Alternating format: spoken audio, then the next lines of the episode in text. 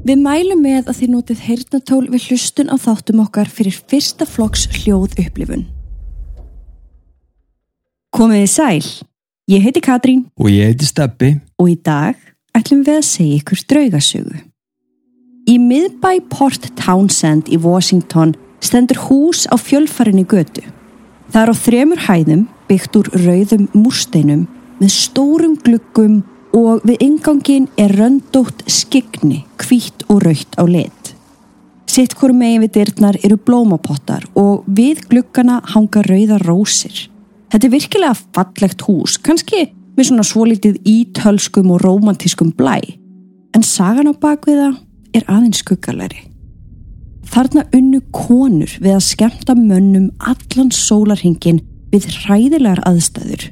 Döðsföll, sjálfsvík og svik einkendu andrumsloftið í áratugi og það virðist vera að sálir séu fastar nýri kjallarunum vegna synda sem virtust of stórar til að fyrirgefa.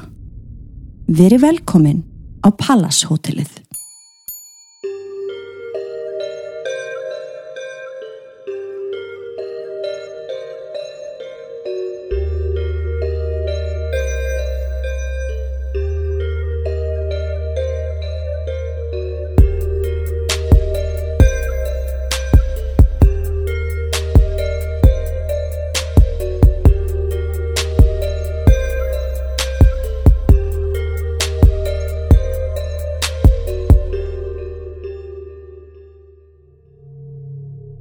Við viljum minna á að draugarsöðunar okkar eru ekki við hæfi barna yngri en 13 ára nema með leifi fullorna.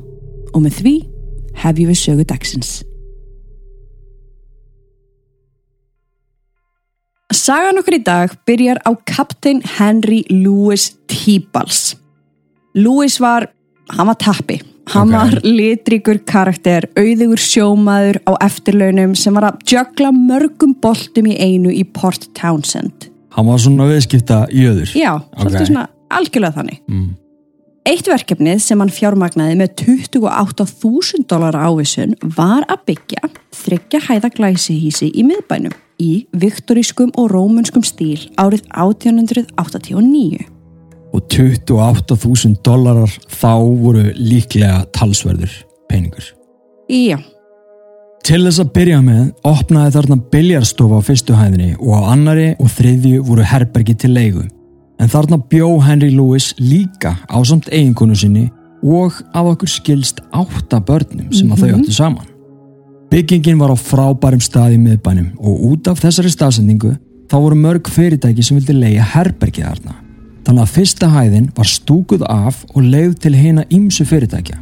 Þarna var til dæmis fjölmiðla fyrirtæki með aðstöðu, blómabúð, lítil maturvöslun, lítil leikhús, áfengisvöslun og nokkri veitingastæðir. já, en manni finnst þetta samt ekkert vera neitt rosalega stór bygging. Nei, þetta er alveg bara frekar lítið. Sérstaklega sko ef hann bjó á annari hæð þar sem hann bjó með konu sinni og börnum, ég held, er ekki alveg viss, Nei, ég held hann að hafi flutt út með þessa fjölskyldu sína. ég ætla að vona það. En það eru samt líka sögursagnir um að hann hafi farið að slá sér upp með, Með- aðal frunni. Ég skil, Skilur ok. Þannig að ég veit að svona á hans setni árum að þá Mhm. var hann byrjaður að drekka ansi mikið og byrjaður að vera ansi mikið bara Þarna. þarna. Ég held hann að við skilja við konuna sína.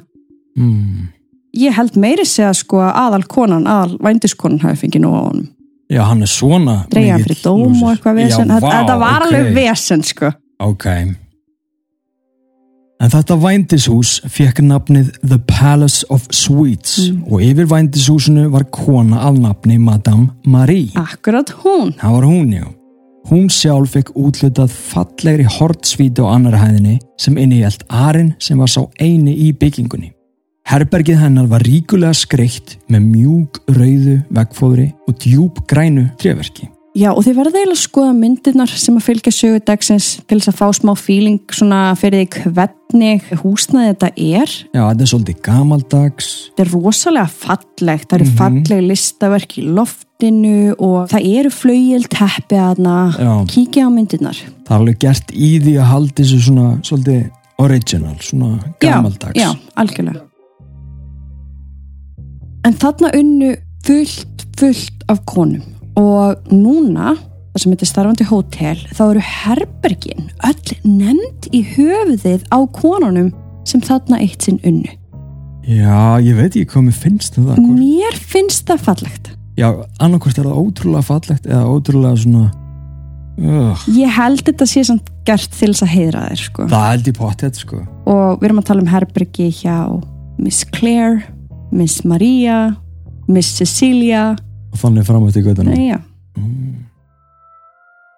en aftur til fortíðar þegar að hérna það var verið að breytis í vændishús það voru Já. náttúrulega þessi venjulegu herbergi sem Mhm. bara snýri út að glugganum bara eins og við þekkjum herbergi í dag Já, nema það er alveg talað um að marga byggingar sem voru byggðar svona seint á 19. öld Mhm. allavega á þessu svæði að þær innheldu líka lítil herbergi fyrir miðju já, ok. Skilur það væri eins og við varum með eitt auka herbergi bara hérna í stofunni sem var ekki með einhvern glugga. Já, sem var búið að innrétta sem bara með fjórum veggjum. Já, og Já, það voru búin til svona herbergi þarna á annari og þriðjuhæðinni sem Mhm. voru öll án glugga en þau voru upplýst og með svona stóru lituðu gleri svona Mm. þykistu glugga.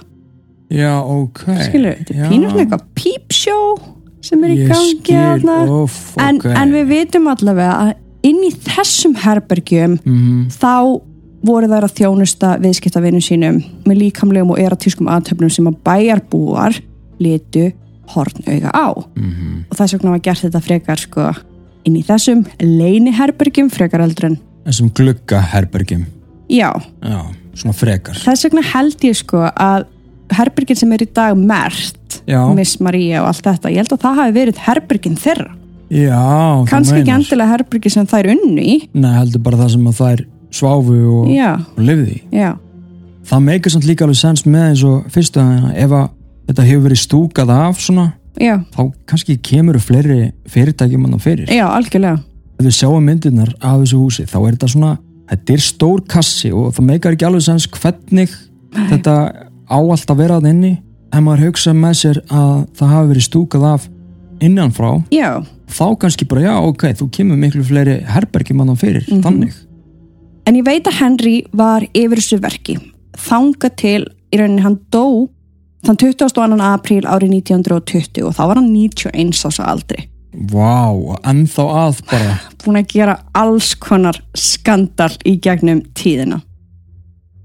Árið 1935 reyndu yfirvöld að loka vændishúsinu en það virtist ganga hansi brösulega.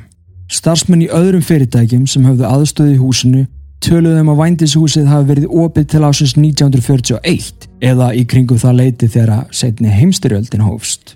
Já, sko það voru nefnilega bara þrjú baðherbergi á þessum þremur hæðum.